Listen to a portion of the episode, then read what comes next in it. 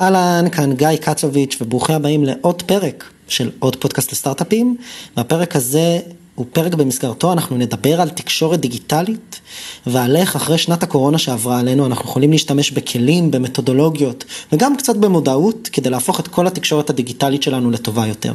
אנחנו נדבר בפרק הזה עם יעל אלרס שפירא שאני אציג אותה בהרחבה בפרק, אבל בגדול מה שאתם צריכים לדעת עליה זה שהיא יועצת ארגונית ובעיקר שהיא עובדת עם יזמים, עם מנהלים ועם הרבה מאוד דמויות בכירות, למעשה מהבכירות במשק, כדי לעזור להם להוביל תהליכים, בין אם תהליכים פנים ארגוניים או תהליכים מול לקוחות. לקוחות, שותפים, קולגות ואפילו עם משפחה וחברים. וכשעושים את כל התהליכים האלה בזום או דרך תקשורת דיגיטלית שבה אנחנו לא יכולים ממש להריח את הצד השני, נדרשים כישורים וניואנסים מיוחדים. יעל עושה את זה במגוון פורמטים שאנחנו נדבר עליהם בפרק, וגם נעבור על השיטה שלה גם באופן אישי, להנחות קבוצות ולהנחות יחידים, ואיך היא מתכוננת לפני שיחה דיגיטלית, בזמן ואחריה. באופן כללי נדבר קצת על החסרונות של הפורמט והאתגרים שלו, וכמובן על היתרונות וההזדמנויות שגלומות לכולנו בעולם החדש ובתקשורת דיגיטלית בעת הזו. אז האזנה נעימה. עוד פודקאסט? עוד פודקאסט. עוד פודקאסט לסטארט-אפים.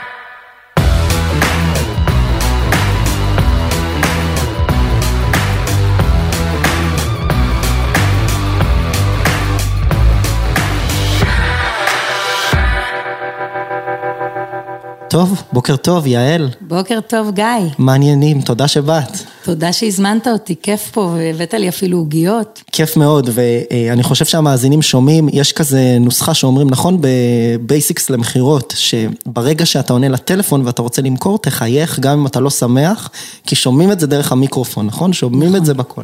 אז, אז אני חושב, שומע. אז אני חושב ששומעים שאנחנו מחייכים, ויש נכון. היכרות מוקדמת קצרה. אה, ותודה רבה לפני הכל אה, לניר אהרון.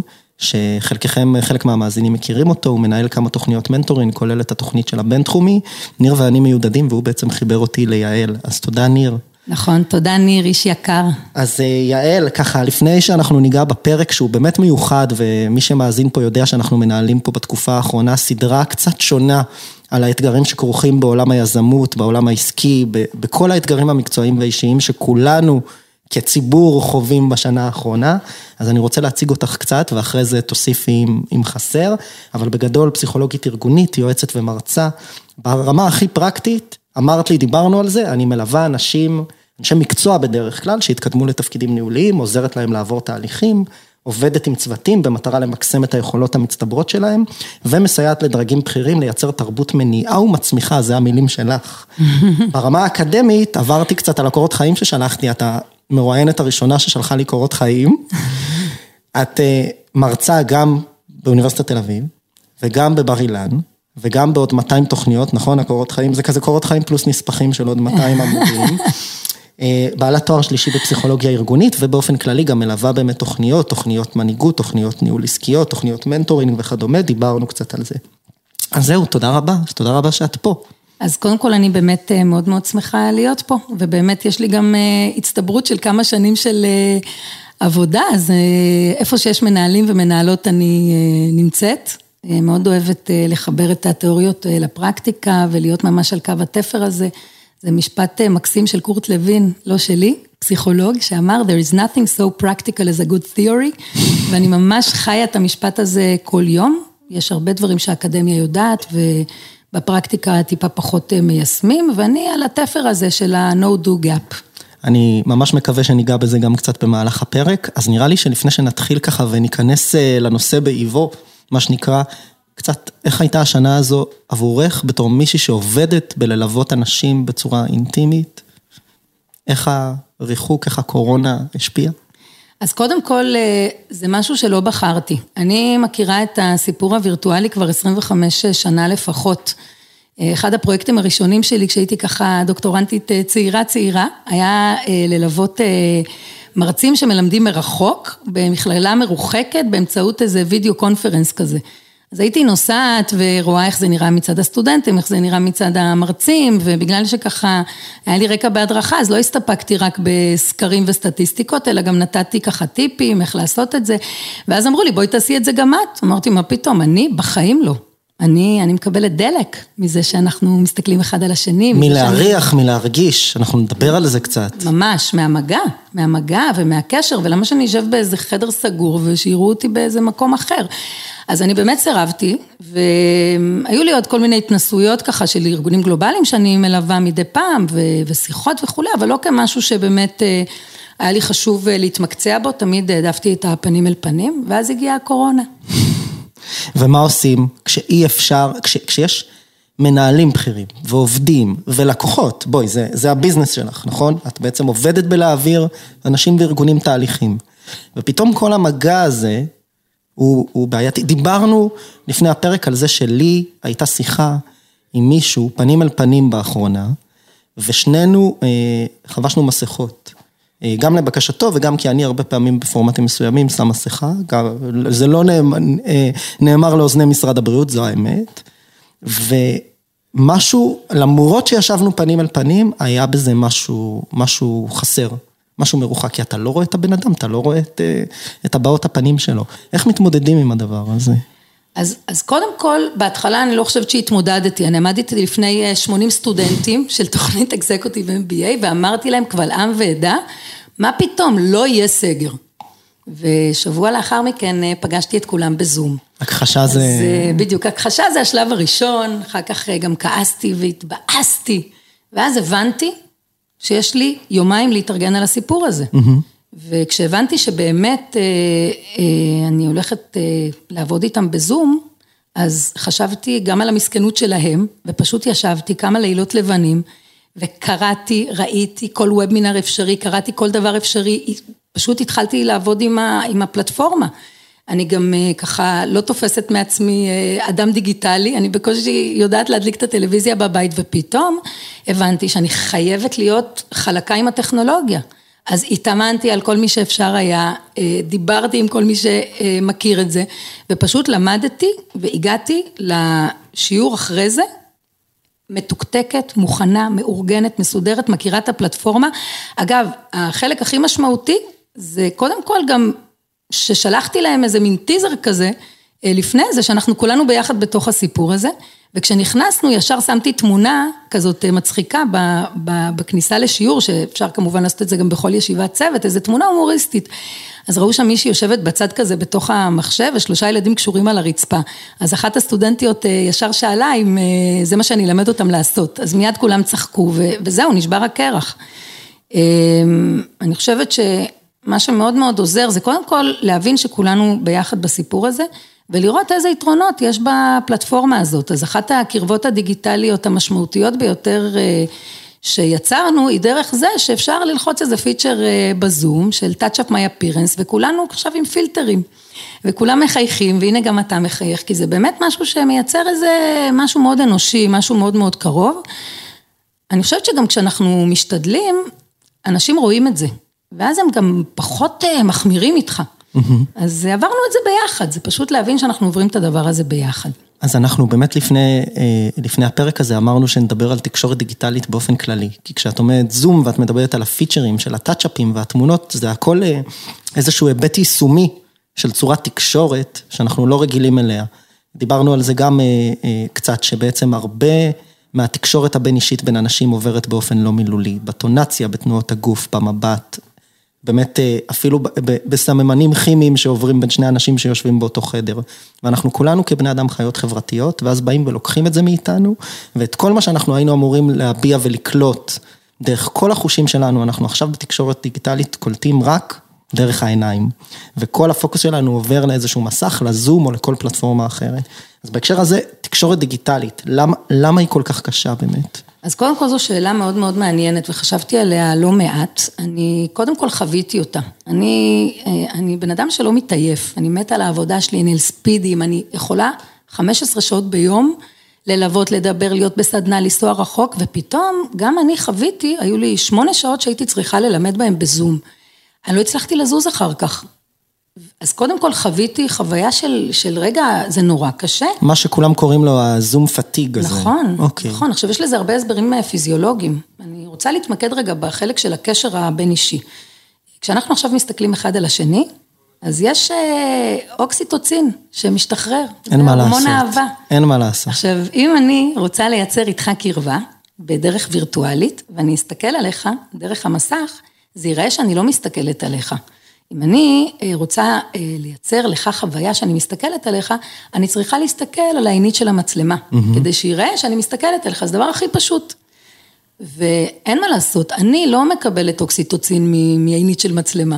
אז קודם כל, מעבר לזה שכל האנרגיה מרוכזת בחלק העליון של הגוף, אני גם, אני גם משתוללת, אני, אני עומדת בכיתה, או נגיד, או בישיבת צוות, או בסדנה, אני זזה, אני הולכת, אני... אה, אני הולכת לחבר'ה שיושבים בספסל האחורי, בסדנה אני יכולה להסתובב, אני, אני קודם כל, בכלל, כל ה setting הוא setting אחר לגמרי. כלומר, אם אנחנו רגע מדברים על קושי, אוקיי? אם אני מגיעה לסדנה, אני תמיד מגיעה יותר מוקדם, ותמיד הופכת את כל החדר, כדי שאנשים ישבו במעגל.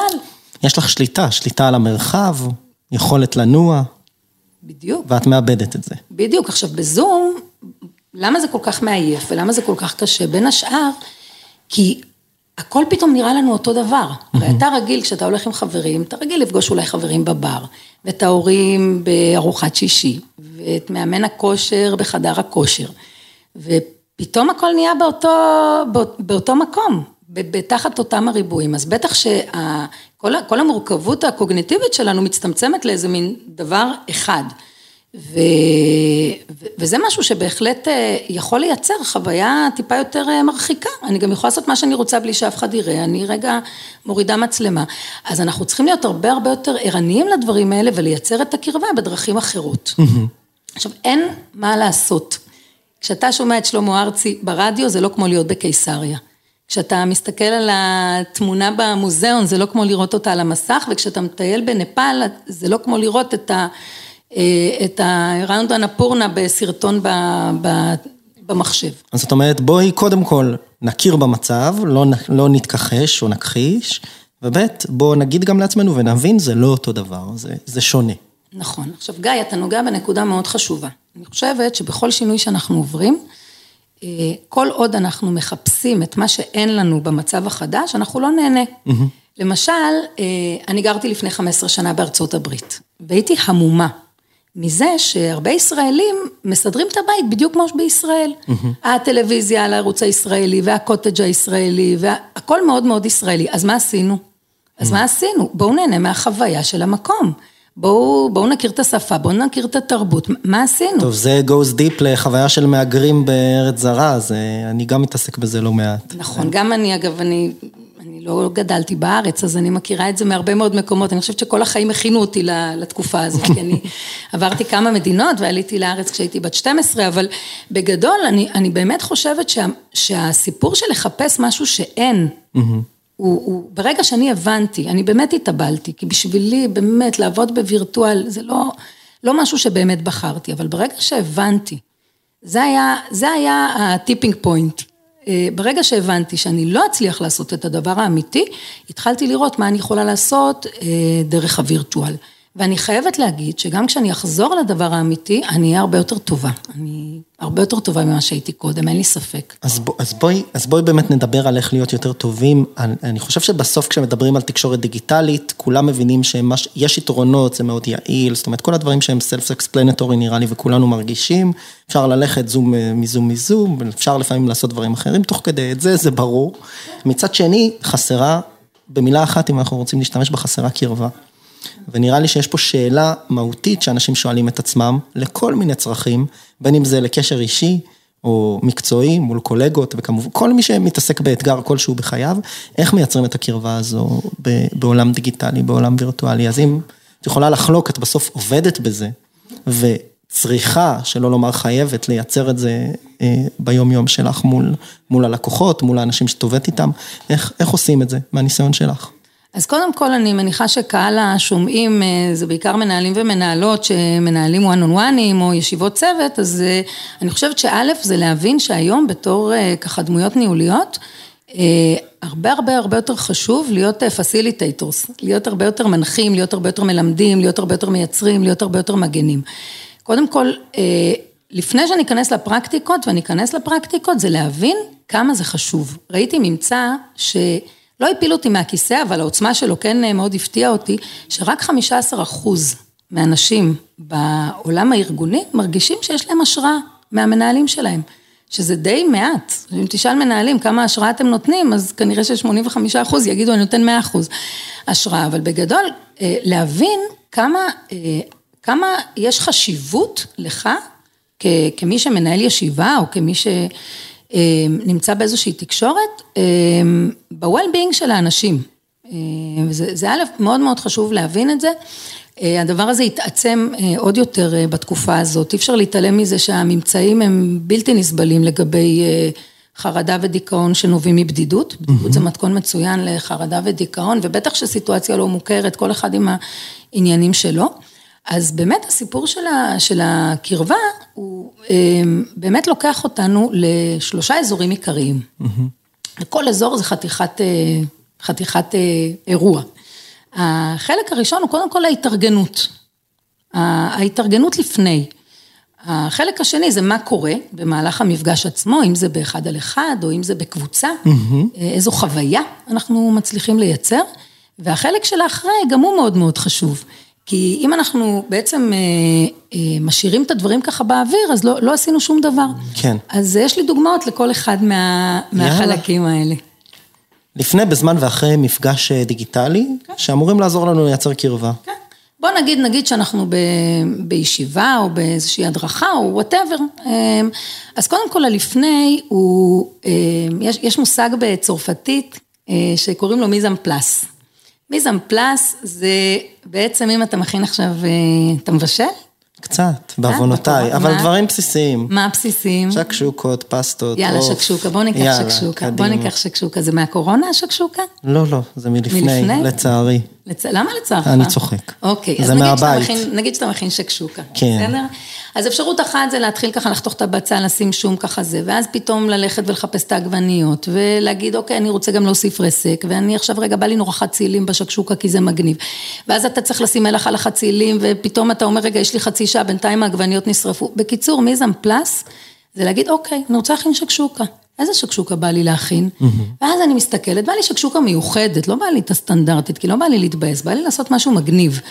אז אני מכינה את כל המצרכים מראש. אני שוקלת אם אני צריכה לשקול, ו- ואם אני מכינה, אני מכינה את כל המצרכים מראש, כדי שלא יקרה מצב שתוך כדי האירוע אני מתחילה רגע להתארגן על עצמי. Mm-hmm. עכשיו, אני חושבת שהסיפור הזה של להתארגן מראש הוא תמיד נכון, אבל בתקשורת וירטואלית הוא אפילו הרבה הרבה הרבה יותר, כי אנחנו רוצים להיות מאוד ממוקדים במהלך הכנת השקשוקה עצמה. זה סוג של מופע בעצם? סוג של...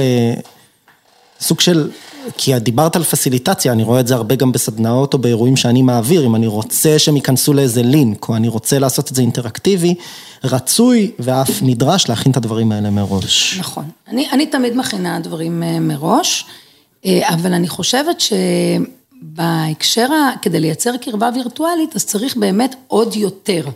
זאת אומרת, אם זה ברמה של, קודם כל באמת להיות בקיא ולהכיר טוב טוב טוב את הטכנולוגיה. הדבר המאוד מאוד משמעותי הנוסף הוא באמת, אם יש לי למשל כלי דיגיטלי, ויש הרבה כלים דיגיטליים שלמדתי במהלך הקורונה, שאני רוצה רגע שנגיד בא לי לעשות איזה סקר, או בא לי לעשות משהו מגניב, כי בהמשך המפגש אני ארצה שאנשים יהיו מעורבים, אני לא יכולה לצייר קרבה אם רק אני... כן. זה לא מופע, זה באמת לא מופע, זאת אינטראקציה. אבל אם אני למשל רוצה לעשות סקרים או להשתמש בכל מיני לוחות שיתופיים אלקטרונים שבהם בבת אחת כולם יכולים להכניס דברים ל brainstorming, כל הדברים האלה צריכים להיות מוכנים מראש, ולא רק מוכנים מראש, הלינקים אמורים להיות בצ'אט עוד לפני שכולם נכנסו לאירוע, אוקיי? או, או אצלי בוואטסאפ באיזה קבוצה שלי עם עצמי, ואז אני אוכל להעביר מיד לאנשים בשניות, זאת אומרת, זה לא יכול להיות, אני, אתה יודע, אני אתן לך דוגמה למשל ללמה זה כל כך חשוב ההכנה הזאת. לפני שבוע ראיתי שחקן מאוד מוכר, שהוא גם במאי. הוא עשה באמת איזשהו מפגש זום.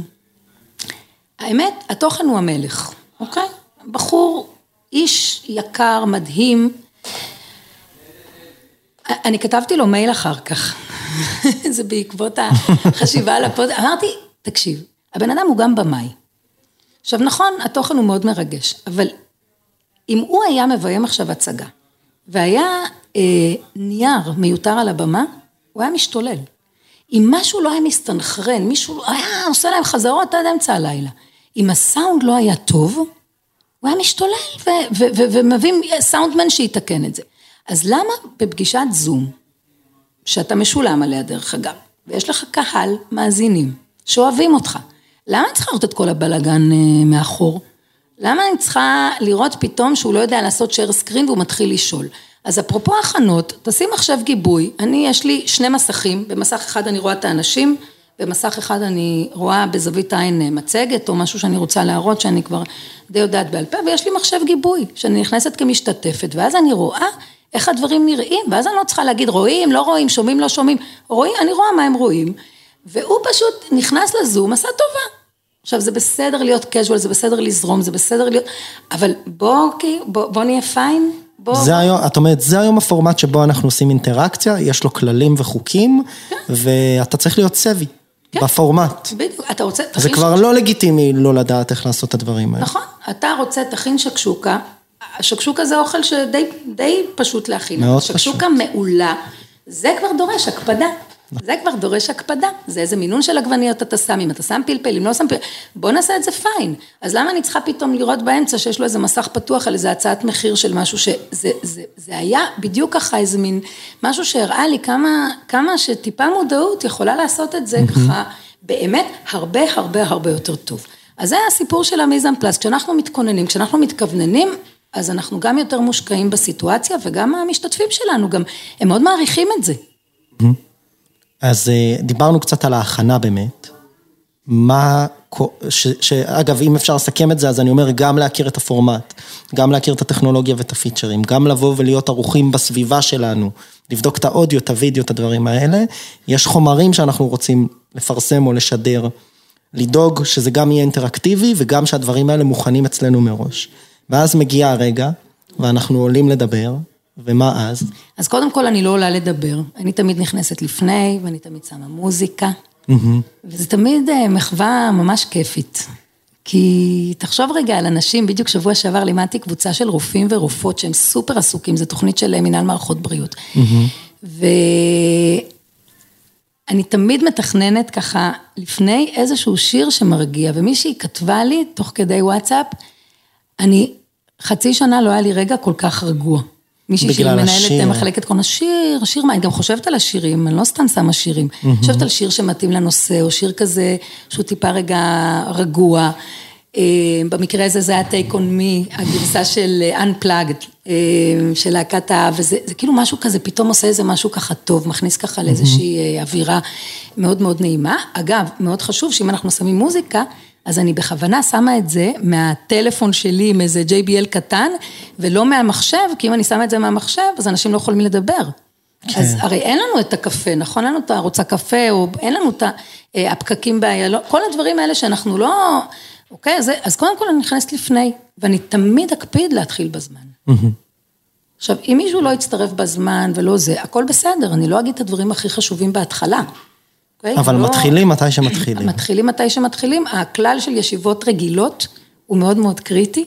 סוט, start on time ו-stop on time. הכבוד לזמן של האנשים הוא תמיד חשוב, בווירטואל עוד יותר, כי הווירטואל מרגיש יותר זמן.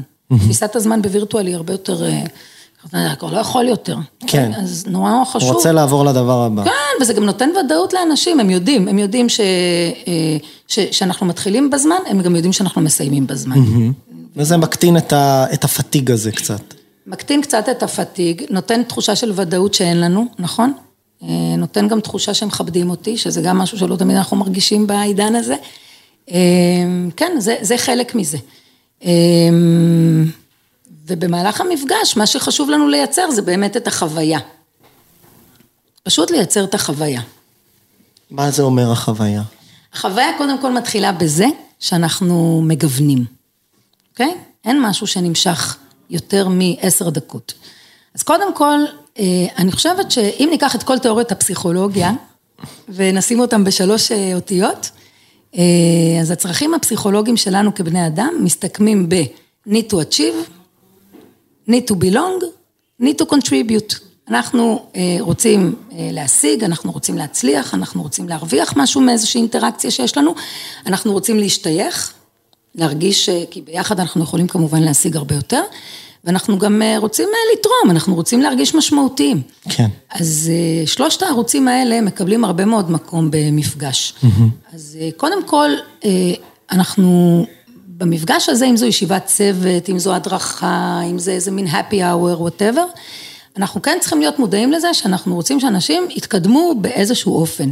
דרך אגב, מחקר מרתק, מה זה אומר התקדמו באיזשהו אופן? רגע, סליחה שאני קוטע. אז אה, בדיוק, אה, בדיוק אה, על זה אני רגע רוצה להרחיב, כי זו ממש, אוקיי. ממש שאלה ממש מצוינת, כי מה זה להתקדם? אתה נמצא רגע בעבודה, יש לך מטרה מסוימת, אוקיי? והמחקר ש, אה, ש, שרגע בדיוק מדגיש את זה, זה שכששואלים אנשים מה הימים הכי טובים שלהם בעבודה, הם לא תמיד יודעים להגיד, אבל כשבוחנים אחורה, לוקחים את כל ימי העשר בעבודה ורואים מה קרה, זה שהתקדמת. יש לך איזושהי מטרה, אתה רוצה לקדם איזשהו מיזם, אתה רוצה לקדם איזשהו פרויקט. אם, ה, אם השיח הזה בינינו יצר איזושהי תובנה, איזושהי התקדמות, איזשהו משהו שקידמת במטרות שיש לך כ- כעובד, כמנהל, כיזם, אז, אז כבר הרווחת משהו. אוקיי. כלומר, אם, אם המפגש הזה אמור לייצר לך תחושה שאתה מרגיש אחרת, חושב אחרת, עושה אחרת. אוקיי. וזה חייב להיות גם באחריות של מי שבעצם אה, מייצר את זה. אני שומע את זה ואני מת, מתבונן ביום יום שלי. אני אומר, תשמעי, יש בזה משהו טיפה מאיים עבורי. אני אומר, לא כל שיחת זום, לא כל אינטראקציה למעשה, היא אינטראקציה אה, מקדמת פר סה. יש, אה, לפעמים אתה רוצה להתעדכן, לבדוק דופק, לפעמים מישהו רוצה to vent, צריך פשוט להשמיע את עצמו, אה, לפעמים פשוט רוצים לחתוך מצב על דברים. לא כל דבר הוא inspirational או אפילו, אפילו knowledge based. את, את מרגישה אחרת? קודם כל, הסיפור הזה רגע של בדיקת דופק, גם זה משהו שמקדם אותי. כי אני מרגישה שרואים אותי, ואם רואים אותי, אז, אז אני מרגישה יותר בטוחה. ואם אני מרגישה יותר בטוחה, אז אני גם מרגישה יותר יצירתית. ואם אני מרגישה יותר יצירתית, אני מוכנה לקחת אה, סיכון ולהיות חדשנית. אני לא חושבת שאפשר לייצר אה, יצירתיות או חדשנות תחת איזה מין הרגשה כזאת שלא לא רואים אותי. אז אני חושבת שהסיפור של אה, רגע לקדם, הוא משהו שכמעט כל דבר בסוף מייצר אצלנו, נקרא לזה אולי בצורה יותר טובה, משהו שייתן לי אנרגיה. אוקיי? אז הסיפור הזה רגע של בדיקת דופק, התעדכנות, רואים אותי, אני עדכנתי, אני סיפרתי את המצב הזה. אה, הוא דבר אה, מאוד מאוד משמעותי והוא דבר שגם מפיג בדידות וגם מייצר אה, בסוף איזשהו, איזושהי תחושה של ביטחון. תחושה ש, שאני בטוחה פסיכולוגית, אני בטוחה ש, שאתה רוצה בטובתי. כן. אז, אז גם, גם התחושה הפסיכולוגית היא תחושה שיכולה לתדלק אותי ולגרום לי בסופו של דבר להתקדם. כן. לא, לא כל פגישה תעשה קפיצת מדרגה מאוד גדולה, אבל אה, א', גם אם היא לא מעכבת זה כבר הרבה, דרך אגב.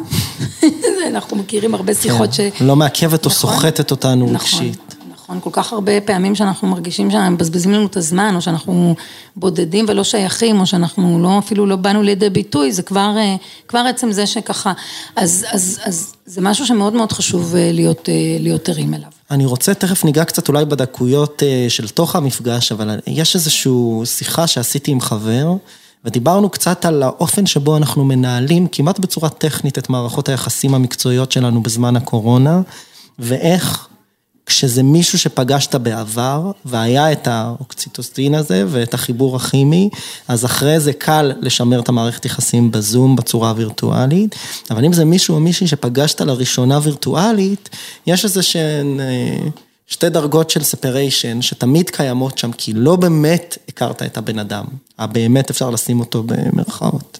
אה, ובהקשר הזה אני רוצה לשאול אולי, כדי להעמיק טיפה אותך בתור מישהי שעוברת ומעבירה, אנשים ונשים את התהליכים האלה, בתוך הפעילויות שלך, יוצא לייצר חיבור עמוק, אמיתי, אותנטי, בטלפון, בזום, זה אפשרי? קודם כל כן, קודם כל כן, אני רוצה רגע, אה, קודם כל כן, כי, כי בסוף גם, תחשוב על זה שאם אני מדברת אה, עם מישהו בוואן און וואן, והוא בוחר להיות בסיטואציה הזאת, אז הוא, אז הוא, אה, ואני מאוד ממוקדת אה, במטרות שלו, אז בוודאי שיש איזה מין התמקדות טוטאלית, וגם אין לאן לברוח. אין לאן, אין, לא נכנסים, לא, אין איזה, אין לאן לברוח, אנחנו בתוך, ה, בתוך הסיטואציה עצמה. אה, אבל דווקא אני רוצה לתת דוגמה אה, מאוד מרגשת, אה, שקשורה לחשמל שהיה באוויר באחד המפגשים שעשיתי עם אחת הכיתות שלי, אבל זה משהו שאפשר כמובן לעשות גם בישיבות אה, אה, צוות, אה, דווקא עם מישהו שלא הכרנו. וזה היה ממש בתחילת הקורונה. אה, אחד התלמידים שלי הוא מנכ"ל המרכז לעיוור, נתי ביאליסטוק, אה, והוא בעצמו אה, עיוור, ודיברתי על איזושהי תיאוריה, ו, אה, ואז הוא נתן דוגמה על ריצ'רד ברנשטיין, שופט אה, בית משפט עליון, סופרים קורט אה, במישיגן, שהוא עיוור מלידה, דמות מרתקת, לא הכרתי אותה עד אז. אמ, שככה הוא נתן אותו בתור, דוגמה למישהו ששבר קירות ופרץ מחסומים, ואני ככה, תוך כדי שאני חולמת בהקיץ, אני אומרת לו, יאללה נתי, בוא נביא אותו. ולמחרת מתקשר אליי נתי, ואומר לי, דיברתי עם ריצ'רד, הוא מוכן לבוא. אוקיי. עכשיו, מה זה מוכן לבוא? אנחנו בקורונה, מרץ, כאילו, מה, מה, מה, מה, מה, מה אנחנו עושים עכשיו? אמר לי, הוא רוצה לדבר איתך קודם. הרמתי לו טלפון, הייתה לי שיחה מפוצצת השראה, שבוע לאחר מכן, מתוך הספיקר שלי בטלפון, ריצ'רד ברנשטיין, האיש והאגדה, שופט בית משפט עליון סופרים קורט ש-800 שופטים מדווחים אליו, רץ 23 מרתונים וארבע פעמים איש ברזל, זאת אומרת דמות שאף אחד לא הכיר, אבל היה כזה חשמל מטורף אה, באוויר, אז השאלה היא איך אנחנו מייצרים את הקונטקסט המתאים. אז זו דוגמה אה, נהדרת למה אפשר לעשות וירטואל שאי אפשר לעשות אה, פנים אל פנים, לא הייתי יכולה להזמין. להטיס אותו לפה. נכון. עכשיו, בהמשך לזה, דרך אגב, אני, אני לא ידעתי מה לעשות עם כל, ה, עם כל ההכרת תודה הזאת שאני מרגישה באוויר, כי אנשים שאלו אותו שאלות והוא נתן תשובות, וזה היה, זה היה מטורף. אז נגיד, אחד הדברים שאפשר לעשות בהקשר הזה, מיד לשים לוח אה, שיתופי. תמיד כשאני מזמינה מרצים אורחים אני עושה את זה וזה מטורף. אה, לשים איזה מין לוח כזה, פאדלט או, או כל לוח שיתופי אחר ולהגיד לאנשים תכתבו מה שבא לכם. Mm-hmm. ופתאום הבן אדם אחרי ההרצאה מקבל איזה מין לוח כזה, מפוצץ בתודות ו, ויש פה איזה ווין ווין ווין סיטואשן. שדווקא במסגרת וירטואלית יכול מאוד להתאפשר. עכשיו, אני לא הייתי מעיזה להזמין אנשים ביום שישי, כי מה הם אשמים שאני מלמדת ביום שישי? והתארחו אצלי כל כך הרבה אנשים אה, מאז, שבאים, מספרים ב-20 דקות איזה קייס שנתתי והסטודנטים אה, חשבו עליו ופתאום אני מביאה את הדמות שמפצחת את זה. אז שוב, אה, זה משהו שבסוף מייצר הרבה מאוד עניין, גם עם דמויות שלא הכרנו קודם. ואז דיברנו על זה, זה התחיל מכזה קרבה אותנטית בדיגיטל ובאחד על אחד. או בתוך התהליכי ליווי מנהלים, את יושבת עם מנהל שלא הכיר אותך לפני, את יושבת עם אה, קבוצת אה, מנהיגות או אנשי עסקים, ואת צריכה ללמד אותם להיות אה, מנטורים או מנטים יותר טובים. איך, איך, איך, איך עושים את זה מרחוק? אוקיי, אז בואו נתחיל באחד על אחד. אני מאוד חששתי מזה. פתחתי ספרות. כל הנושא של virtual therapy קיים כבר אה, הרבה שנים. קראתי מחקרים. וראיתי שבהרבה מאוד מקרים, בהרבה מאוד מקרים, אה, אין הבדל מובהק בין אה, החוויה של המטופלים אה, בווירטואל לעומת בפנים אל פנים. וכשאנחנו מסתכלים רגע על הסיבות, אז א', באמת יש משהו אצל המטופל, הרבה פעמים שהוא מרגיש מאוד מוגן, mm-hmm. הוא מרגיש במגרש הביתי שלו. כן. נמצא בבית שלו, בסביבה שלו. זה גם אנשים שרוצים, זה גם אנשים mm-hmm. ש... אני חושבת ש... שהצורך אה, של אנשים לקבל עזרה בתקופה הזאת, הוא, הוא משהו ש, שרק יתעצם. זאת אומרת, את אומרת, יש פה גם עניין של כוונה בעצם. אם אני בא ואני מוכוון ללהיפתח, אפשר להיפתח בכל מדיום. חד משמעית. אני, אני אגב, אני, ברגע שיגמר הסגר, או ברגע שהקורונה תיגמר, אני מאוד אשמח אה, לעבור אה, למודל ההיברידי, אבל אין ספק שיש לנו הזדמנות, עצם זה שאנחנו יכולים לקיים מפגש כזה, כשאחד הוא בחיפה ואחד הוא בתל אביב, אה, אתה יודע, אנחנו לא בארצות הברית, זה לא אה, פלורידה, אה, לוס אנג'לס, אבל שגם שם דרך אגב, אני לפני 15 שנה עשיתי קורס כשגרתי בארצות הברית, executive coaching, וה peer שלי היה מנכ"ל בית חולים שהיה בבוסטון ואני גרתי אז במיאמי. אני לא הייתי יכולה להכיר אותו.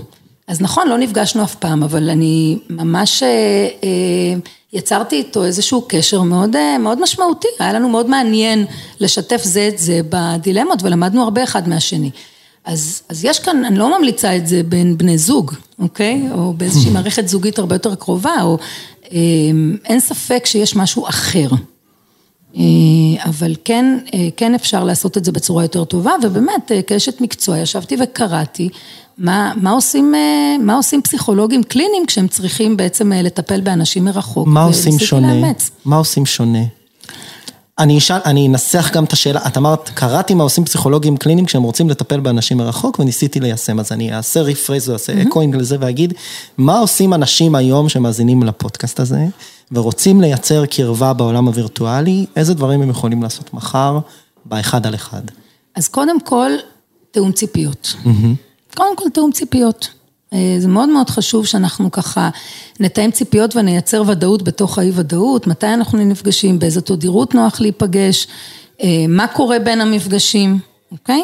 אני חושבת שאחד הדברים שמאוד מאוד מאוד אה, עוזרים, זה באמת ככה שהצד השני, לי זה מאוד מאוד ברור, אבל שהצד השני באמת ימצא זמן שיש לו באמת סביבה מאוד נקייה. סביבו. כי אתה יודע, יש אנשים שיש להם שלושה ילדים בבית, ההוא בזום, ההוא בזה, ההוא בזה, כשיש, זה לא, זה לא מתאים. אז קודם כל באמת תיאום ציפיות שהסביבה חייבת להיות אה, סטרילית ככל, ש, ככל שניתן לייצר אותה.